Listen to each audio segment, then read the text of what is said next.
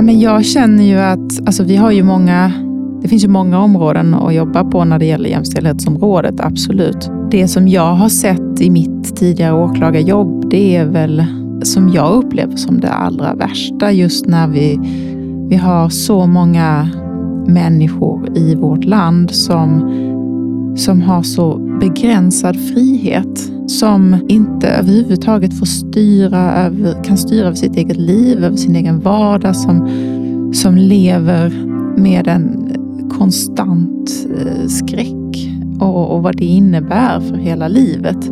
Jo, men visst är det sant att det finns många områden att jobba på när det kommer till jämställdhet. Och att det finns människor i vårt land som har en begränsad frihet. Inte minst kvinnor. För det är ju faktiskt kvinnor som fortfarande har mindre tillgång till makt, pengar och som påverkas enormt av de strukturer vårt samhälle är byggt på. Det här pratar jag med vår jämställdhetsminister Paulina Brandberg om i veckans avsnitt. Vi hade ett samtal bland annat om mäns våld mot kvinnor, löneskillnader och hur vi kan hjälpa utrikesfödda kvinnor som ju faktiskt är de som drabbas hårdast av ojämställdheten. Men vi hade också ett samtal om människans fria val och hur fritt det egentligen är med tanke på de strukturer och normer som styr oss idag. Ja, det är ett spännande och viktigt samtal med andra ord. Och innan vi drar igång det här avsnittet så vill jag precis som vanligt tacka fantastiska Excitec som genom att sponsra podden gör det möjligt för mig att fortsätta ta mig in i de här rummen och försöka påverka till det bättre. Så tusen tack för det, Excitec. Men nu, kära lyssnare, precis som vanligt, rätta till lurarna och dra upp volymen. För här kommer ett avsnitt med Sveriges jämställdhetsminister Paulina Brandberg.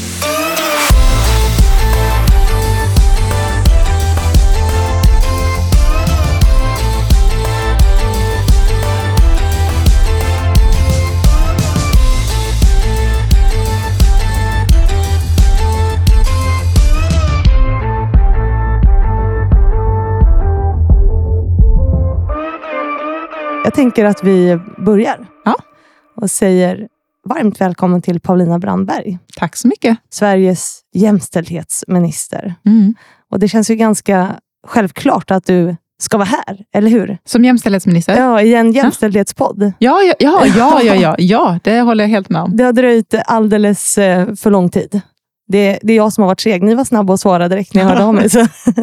Ja, men jag är jätteglad att få vara med. Hur är dagsformen? Hur känns det att vara här? Nu är vi hos dig i och för sig. Men... Nej, men det känns bra. Ja. Det känns bra. Alltså, jag älskar ju det här jobbet, alltså, mm. för det känns ju så viktigt och så bra. Och eh, Jag eh, tror och hoppas att jag verkligen kommer kunna göra saker som, som förflyttar saker i rätt riktning. Varför blev du just jämställdhetsminister? Fick du välja själv eller blev du utsedd? Eller hur?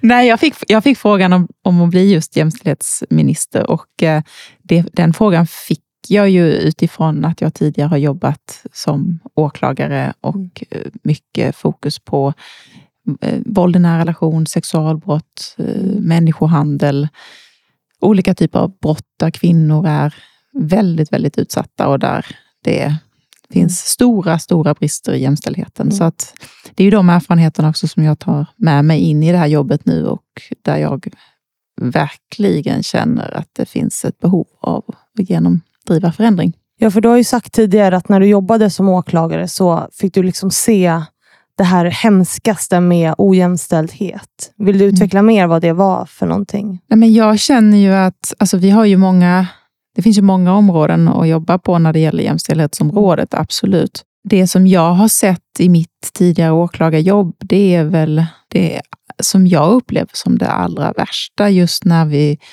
vi har så många människor i vårt land som, som har så begränsad frihet. Mm. Som inte överhuvudtaget får styra över, kan styra över sitt eget liv, över sin egen vardag, som, som lever med en konstant eh, skräck och, och, vad det innebär för hela livet. Mm. Och, och, ja, dels har vi ju de nu låter det hemskt att säga normala, men, men de vanliga eh, relationsvåldsärendena. Och sen har vi ju det som är det hedersrelaterade våldet och förtrycket, där det också är när man ser hela släkter som kontrollerar framförallt unga tjejer. Mm. Det, det blir, för mig så väcker det liksom känslor att det här måste vi ju göra någonting åt. Vi kan ju inte acceptera att det ser ut så, att så många människor lever i sån total ofrihet. Mm. Så att eh, jag känner ju verkligen att, att det är jätteakut mm.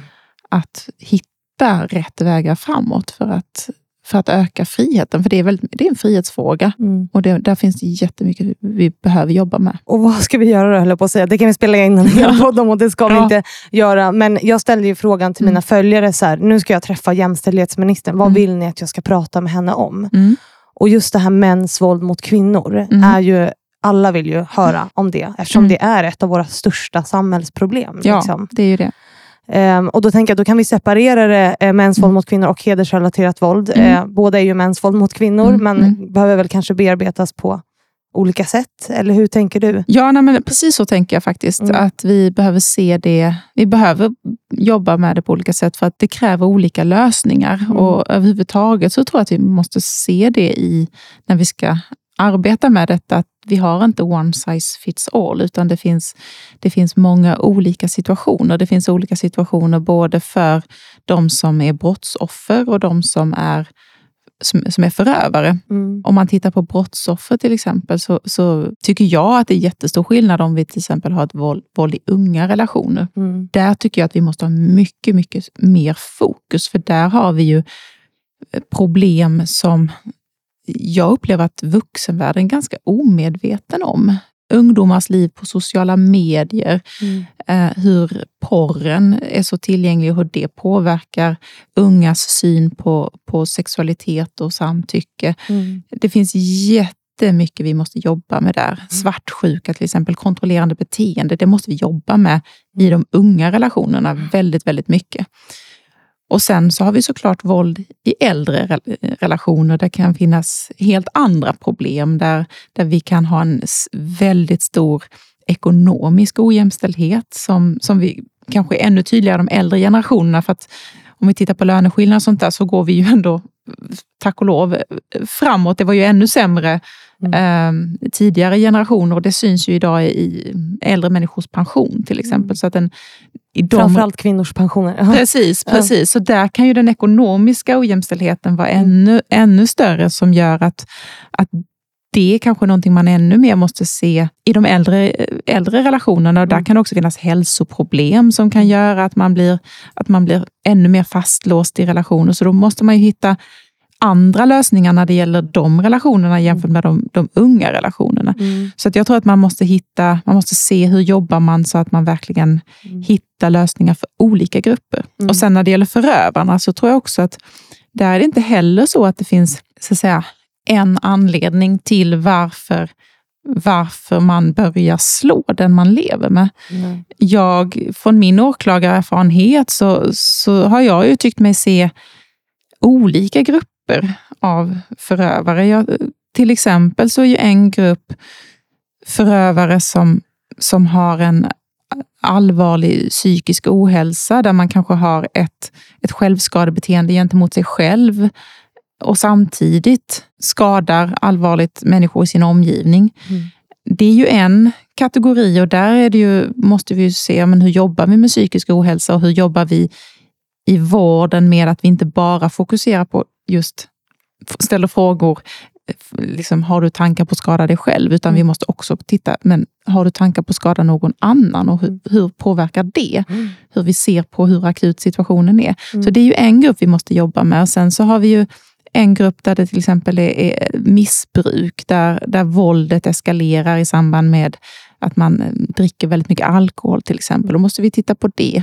Sen har vi ju andra personlighetsstörningar, narcissistiska personlighetsstörningar och den typen har jag också sett mycket i, i rätten. Och det, där är det ju en annan så att säga, problematik och den kan vara väldigt svår att jobba med mm. eftersom det kan ofta finnas en ganska eh, liten självinsikt och liten, kanske minst vilja till förändring inom den gruppen. Mm. Och sen har vi såklart det hedersrelaterade våldet och förtrycket som vi var inne på, där Mm. det också finns andra bakomliggande faktorer. Och jag tror att vi kan inte tro att vi kan lösa, lösa detta med en lösning som funkar för alla grupper, utan vi måste titta, vad är, vilka olika kategorier har vi att jobba med och vilka lösningar hittar vi för de här olika kategorierna? Ja, men vad gör vi då? Har du några tankar om vad vi kan göra? För Jag vet att du har pratat om att höja straffen bland annat.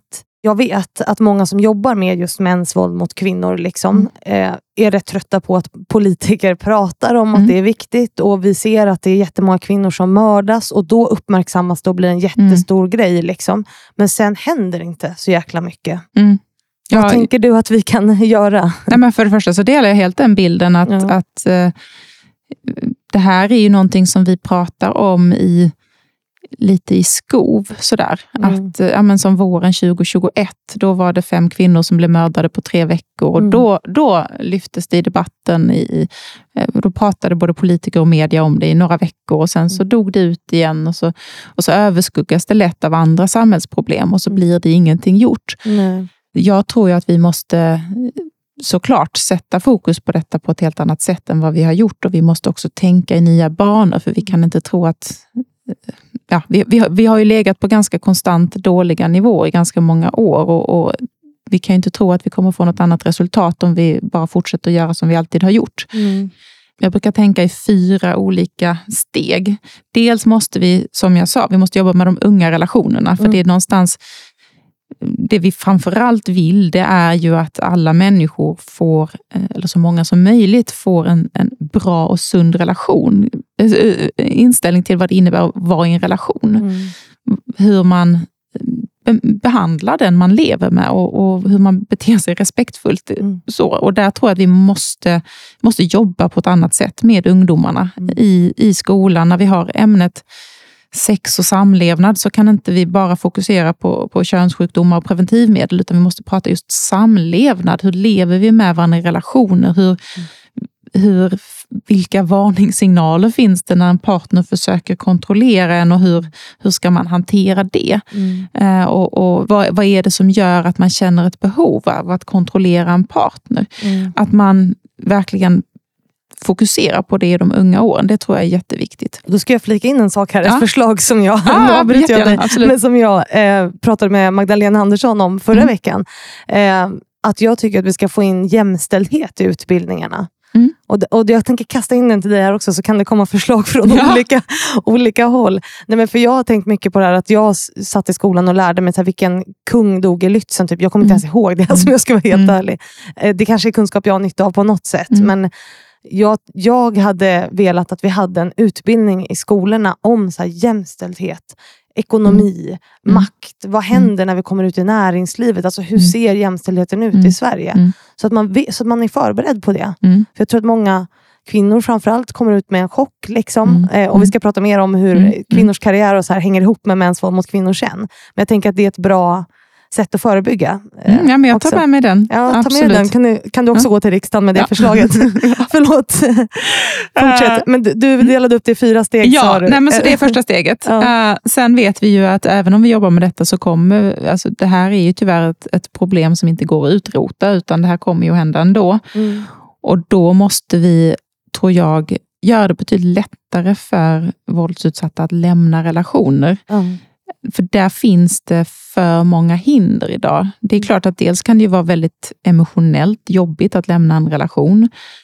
Men det finns också väldigt många praktiska hinder idag som gör att, att man blir fastlåst i relationer som man, som man kanske vill lämna. Mm. Och Det kan ju vara den ekonomiska faktorn såklart, är ju jätteviktig. Är du, är du ekonomiskt beroende av en förövare så, så blir det väldigt svårt att lämna. Mm. Men vi måste ju också, så, du måste ha någonstans att ta vägen. Vi måste se skyddade boenden måste fungera och inte bara skyddade boenden utan rent allmänt. Du måste kunna skaffa dig en ny bostad om du vill separera från någon du bor med. Mm. Eh, Så att alla de här hindren som finns idag måste vi verkligen identifiera och vi, vi måste bryta ner dem. Jag vet också ett sånt hinder som, som många kanske inte tänker på, men att om du inte kan ta med dig ett, ett husdjur till ett skyddat boende så kan det vara en, en sak som gör att du inte lämnar relationen. Därför att mm. du kan inte lämna din hund eller din katt. Mm. Och alla de här hindren som gör att, att vi har fastlåsningar, och då ska vi, kan, har jag inte ens börjat prata om, om hur barn och, och synen på det. Um, där har vi ju såklart det absolut största, den största fastlåsningen. Och att skydda barn och det här med delad vårdnad och ja. hela den vårdnadsfrågan är enormt viktig. Där många såklart känner att om jag, även om, om, man, om man lever i en våldsam Eh, relation så är det många såklart som känner att det här är ju inte bra för mitt barn. Men om man känner att jag utsätter mitt barn för mer fara om jag lämnar den här relationen, mm. Så vet jag att det gör att det är väldigt många som väljer att stanna kvar i relationen. För man tar hellre väldigt mycket stryk själv mm. än att ens tänka tanken på att ens barn ska utsättas för fara. Mm. Så det är ju också en, en otroligt viktig fråga att arbeta med. Kanske, ja, som sagt, som jag tror den absolut största fastlåsningseffekten som vi måste verkligen eh, ta itu med för att, för att möjliggöra att, att, att man ska kunna lämna relationer. Mm. Så det var det andra mm. steget. Sen det tredje steget, det är ju just det här lite som du var inne på innan med det som vi på juristspråk kallar de repressiva åtgärderna, alltså mm. straffen och, och, och domstolarna och vårt rättssystem helt enkelt. Och där Eh, det är ju det där jag har med mig också mest perspektiv såklart från min tidigare erfarenhet. Och, och där jag i min åklagarroll har känt en, stor, en väldigt stor frustration över att jag har upplevt att vi har haft ett alldeles för ensidigt gärning, gärningsmannaperspektiv. Mm. Det är ju så att om man till exempel har en häktningsförhandling mot en, en misstänkt brottsling så, ehm, så ska det göras en bedömning av, dels tittar man ju om finns det tillräckligt stark misstanke och sen så ska det dessutom finnas något skäl att, att det finns risk för fortsatt brottslighet eller att man eh, påverkar utredningen eller att man flyr landet eller att man eh, så att säga, undviker att, att bli dömd. Och, ehm, och sen så står det också att man ska se vilket, vilket intrång eller men. Alltså vad innebär det för den här personen? Vad blir det för konsekvens för den här personen att, att bli häktad? Mm. Och det är klart att för alla människor så är det klart att det är jätteinskränkande och ett stort intryck att, att bli inlåst. Det är ju ingen tvekan om det. Mm. Men där menar jag att vi kan inte stanna där, utan vi måste ju också göra analysen. Vad innebär, vilken inskränkning innebär det för brottsoffret om vi inte häktar den här personen? Och där har jag ju sett alldeles för många fall där man har tagit hänsyn till förövarens personliga omständigheter mm. eh, på ett sätt som har inneburit att i realiteten har ju brottsoffret inte kunnat lämna sin bostad, blivit inlåst, levt i skräck. Mm. Så att det beslutet där man tar hänsyn till, till förövaren innebär ju re, ja, att man frihetsberövar då, att man låser, i realiteten så blir brottsoffret inlåst istället. Mm. Och där tror jag att vi verkligen måste få till ett perspektivskifte där, där vi ser brottsoffrens intressen på ett helt annat sätt än vad vi gör idag. Mm. Och vi måste också titta, när vi till exempel tittar på kontaktförbud och den här regeringen vill ju också att domstolar ska kunna döma till, till vistelseförbud upp till tio år efter, efter avtjänat fängelsestraff. Just för att vi tycker det är helt orimligt att det är som idag, att det är förövarna som tvingas flytta på sig. Mm. Eller för, förlåt, att det är brottsoffren, brottsoffren som tvingas flytta på sig mm. för att förövarna ska kunna bo kvar eller mm. vistas i sin hemkommun. Där måste vi, vi måste få, få ett omtag där, där vi liksom blir, där det blir ett perspektivskifte. Mm. Det tror jag också är en jätteviktig pusselbit och där är ju som sagt strafflängden är ju en, en bit och, och kontaktförbud och vistelseförbud. Vi har liksom det, ett helt paket av åtgärder som vi behöver få till mm. där. Eh, så det var den tredje grejen. Ja. Och du och sen, är duktig på att sammanfatta här. Ja. Det är bra. Eh, och sen den fjärde, den fjärde grejen här som jag tror vi måste jobba med, som jag också upplever är eh, faktiskt vi har haft för lite fokus på.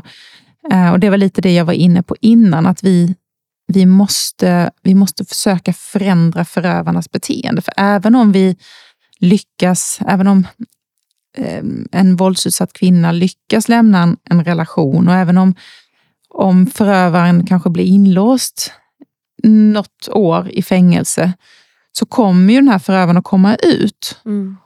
Och om man inte har förändrat beteendet, dels är det ju väldigt vanligt att man söker upp samma brottsoffer igen. Mm. Eller så blir ju, om man inte har förändrat beteendet, ja, men det här ju, de lever ju sällan i celibat resten av livet, utan, utan då blir det nya relationer och nya brottsoffer. Så vi mm. måste ju verkligen vi måste ju se just vad är det som gör att den här personen använder våld mm. och kontrollerande beteende. Och hur jobbar vi med? Och som sagt, här tror jag inte att det finns one size fits all, utan vi måste hitta vad är det, vad är det som gör att just den här personen har det här beteendet och hur förändrar vi den här personens beteende? Mm. Och där tror jag dels på våra anstalter behöver vi jobba väldigt medvetet med det.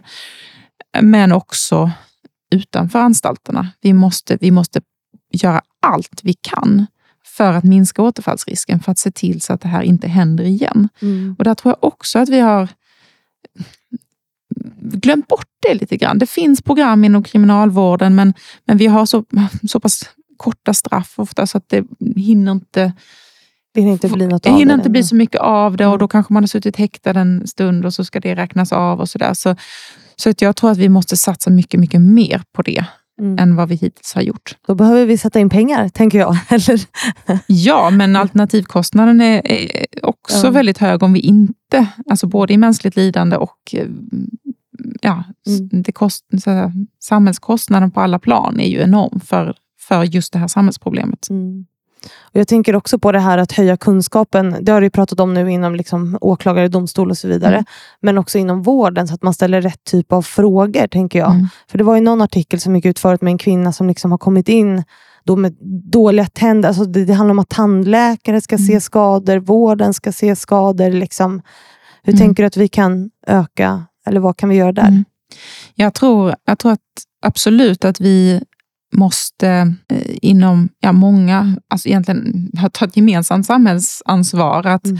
att de som jobbar inom vården och skolan och som möter människor måste få information. Som du säger, inom vården är det jätteviktigt att våga ställa frågor. Mm. Inom, jag vet man har blivit bättre på det, till exempel på BVC och, och mm. mödravårdscentraler och sådär, att man har blivit bättre på att faktiskt våga ställa frågor. Mm. Och där tror jag att det är bra att ha, ha rutiner kring det. Och jag tror att det är ännu viktigare när det gäller hedersrelaterat våld och förtryck och, och ehm, ja, könsstympning till exempel, som är kanske det, det yttersta exemplet på, på hedersrelaterat våld och förtryck. Där jag besökte en mottagning i Göteborg, som eh, Vulvamottagningen, som, som jobbar just med könsstympade kvinnor. Och de gav uttryck också för att, att det finns ju dels finns det en väldigt stor okunskap kring mm. könsstympning, men det finns också otroligt mycket ängslighet kring, men om man upptäcker detta, vad gör man då? Mm. Hur ställer man frågor? Och där, där finns det jättestor skillnad i vilket bemötande de får som, som möter vården och är könsstympade eller möter vården och är utsatta för olika typer av, av våld mm. av en partner eller av en släkt. Därför att det finns så mycket okunskap kring hur man ska hantera detta. Det finns inga tydliga rutiner för, för vilka frågor man ska ställa, hur, vart man ska vilken, vilken vägledning och vilken vård man ska ge.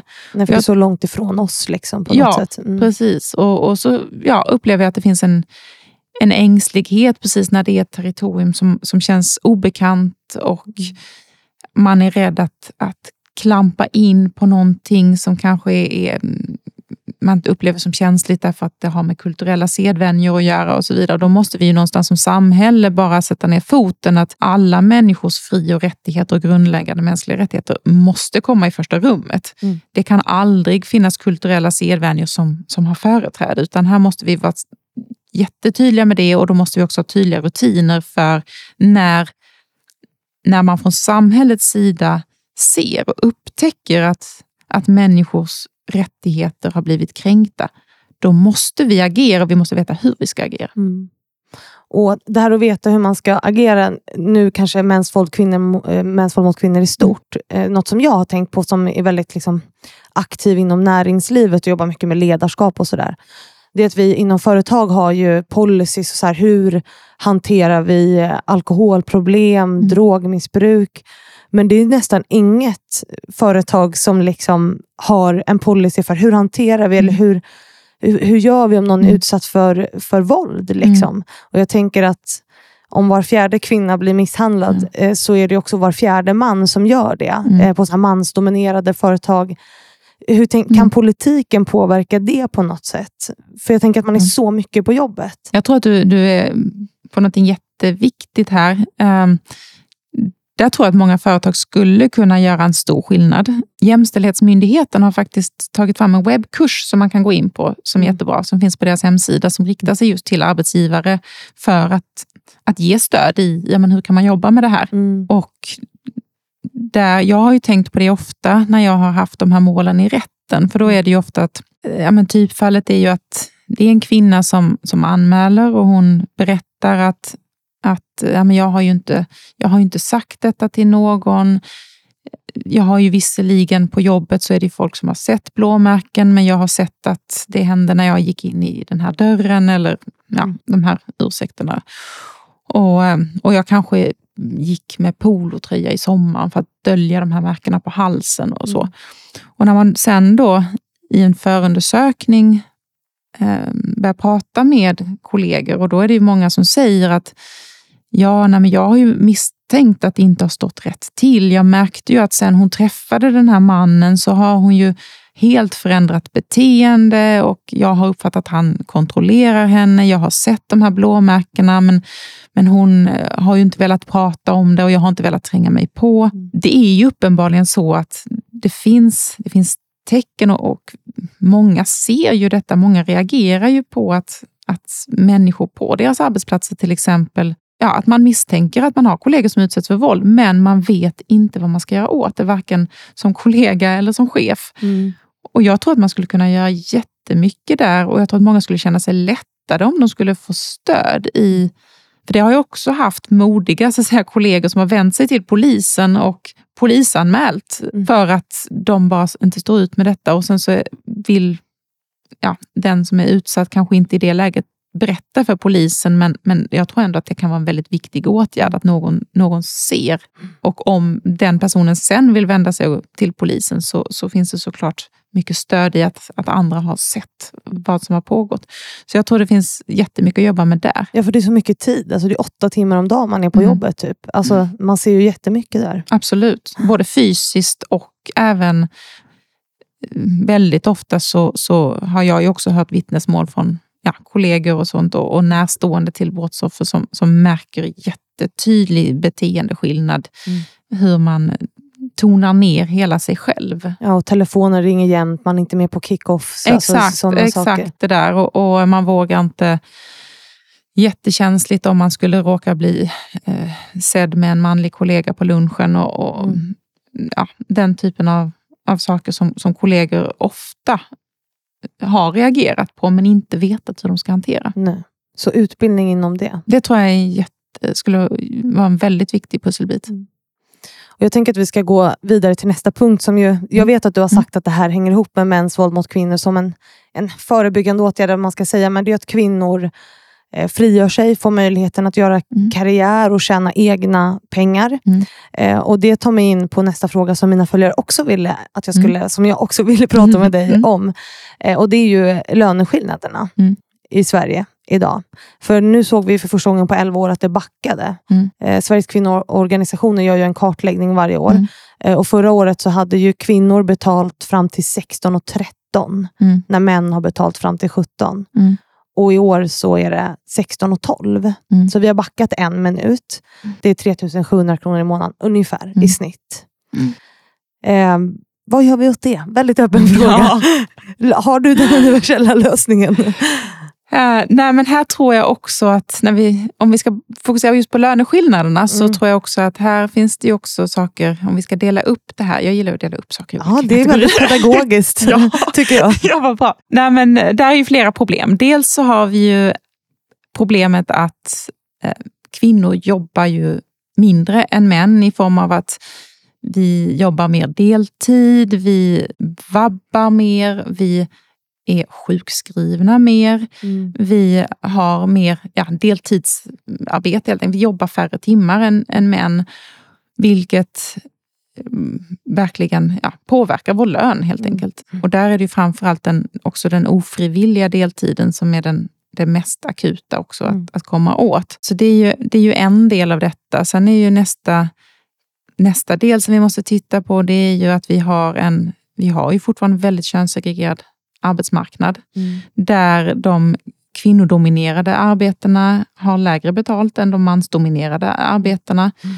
Det är ju ett annat område där vi måste se hur vi kan arbeta med det. Mm. Och sen så den tredje frågan som vi såklart också alltid måste titta på, det är ju ren diskriminering Mm. som ju inte är, är lagligt. Och där är det ju viktigt att, att diskrimineringsombudsmannen till exempel har rätt verktyg för att kunna jobba med det på rätt sätt och att de som diskrimineras vet hur, vart, vart kan man vända sig?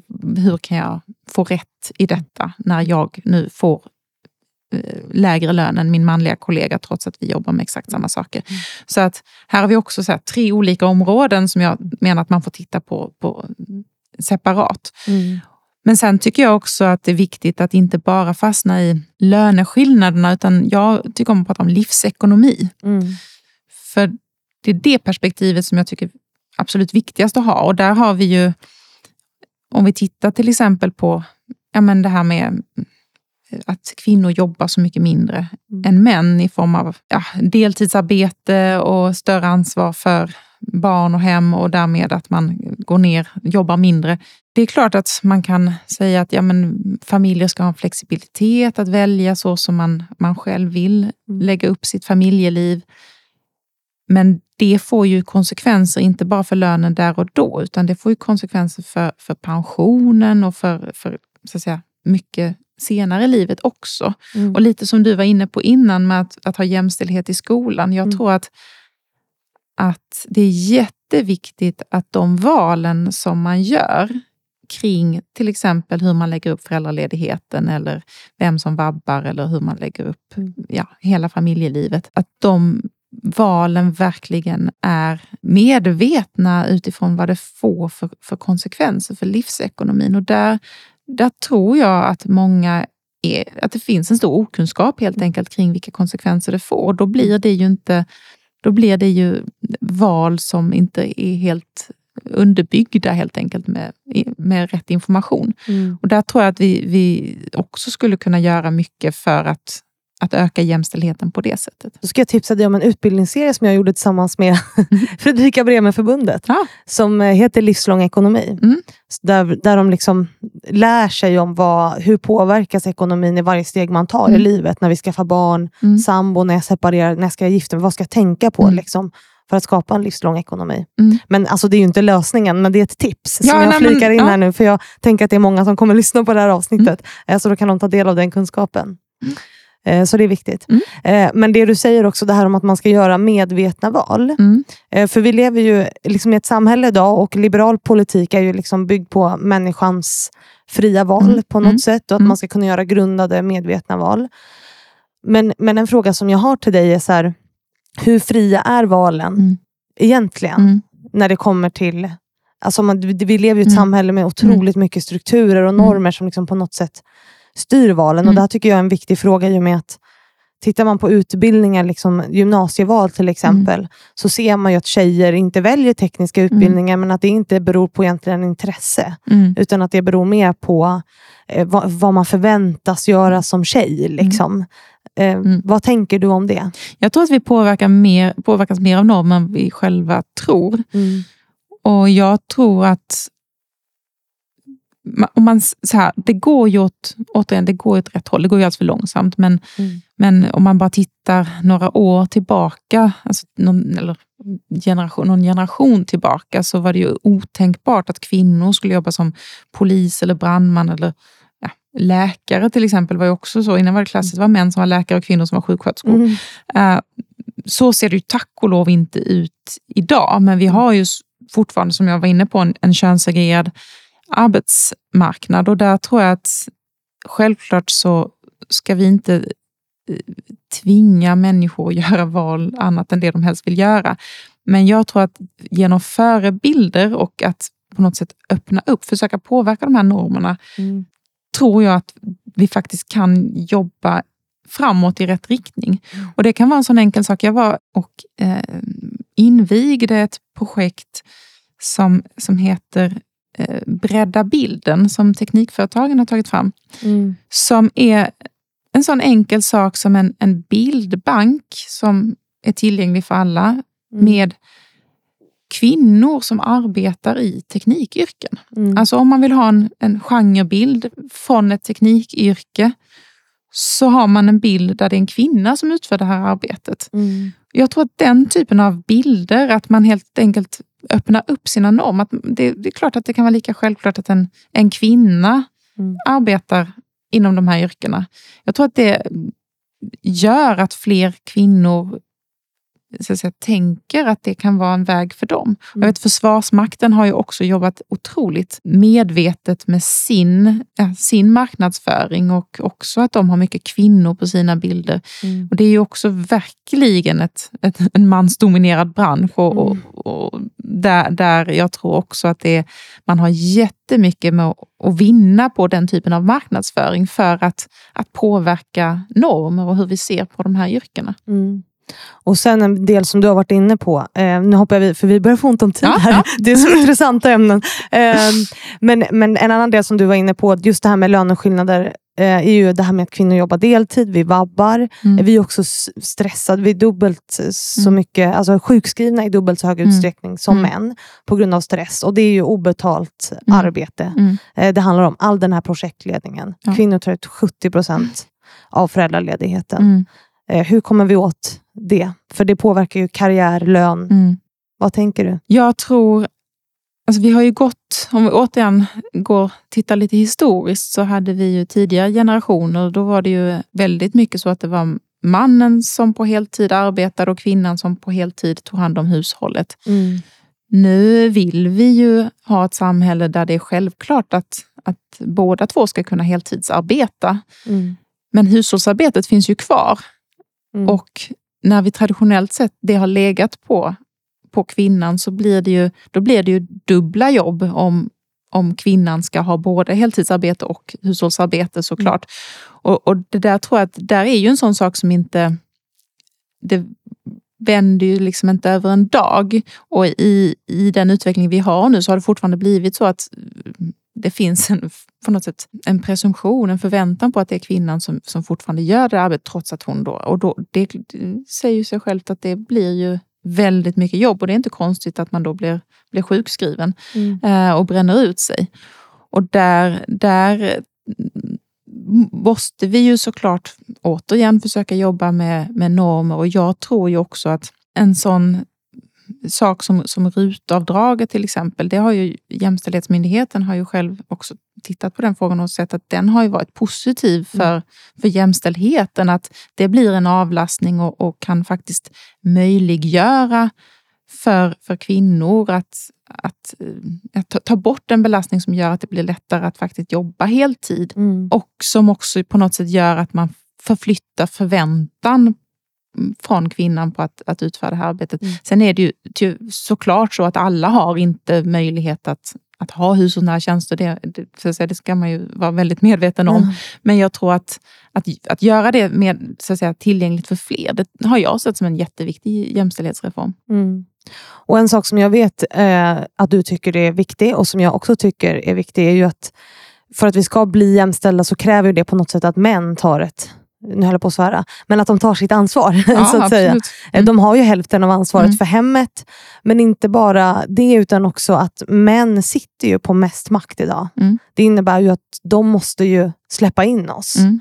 Jag menar, vi kämpade i, för att få kvinnlig röst, rösträtt, mm. så kämpade ju kvinnorna. Mm. Men det var ju männen som, med makten som släppte in oss. Liksom. Så vad tänker du, hur får vi mer män engagerade? Eller hur får vi män att engagera sig i jämställdhet på något sätt? Jag tror att det är viktigt att prata om jämställdhet som ett intresse för hela samhället. Mm. Jag kan ibland bli ganska bekymrad över att det finns eh, röster i jämställdhetsdebatten som, som är, vad ska man säga, ja, men där, där det känns som att det blir ett könskrig. Mm. Att det är väldigt mycket att man, lite, lite retorik ungefär som att ja, men män har ju förtryckt kvinnor i alla år, nu är det minsann kvinnornas tur. Ungefär Mm. lite som att nu är det hämnd, nu är det liksom den. Och det tror jag är det sämsta sättet att få män engagerade i jämställdhetsarbetet. Utan jag är ju övertygad om att, att ett jämställt samhälle, det är ett friskare samhälle för alla. Alla vinner på jämst- ett jämställt samhälle. Och då måste det också vara så vi pratar om de här frågorna och vi måste prata om det som att det, det här är någonting som, som li, verkligen ligger i allas intresse. Mm. Och att vi, vi måste jobba verkligen tillsammans med detta och inte se, inte splittra utan ha Förena. förena verkligen. Att, att vi, sätter, vi har ett gemensamt mål som vi gemensamt ska jobba mot. Det här är inte kvinnors kamp att ta. Mm. Och det, det här är någonting som, som hela samhället måste jobba för. Och jag tror att all form av könskrigsretorik är extremt destruktiv. Mm.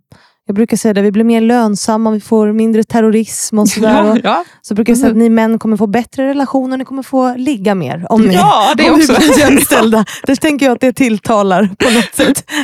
ja det finns, man, man ska inte underskatta något argument. vi bara slänger upp allt på Ja. bordet på en Ja. gång. Ja, ja, absolut. Och min, min sista fråga, eh, som jag i och för sig inte skickade med i förhand, men som jag tycker är viktig. Eh, Mm. och Det är ju att de som drabbas absolut hårdast av ojämställdhet är ju utrikesfödda Ja. kvinnor. Mm. Och den punken, pu- punken, Mm. punkten tycker jag är väldigt viktig att lyfta. Mm. Vad tänker du? Nej, men helt och hållet. Och där, där ser man ju, eh, dels som vi var inne på, hedersrelaterat våld och förtryck är Mm. ju mm, ja, mycket ja, utrikesfödda kvinnor, men också andra generationens invandrare. Eh, många som har ursprung i andra kulturer. Mm.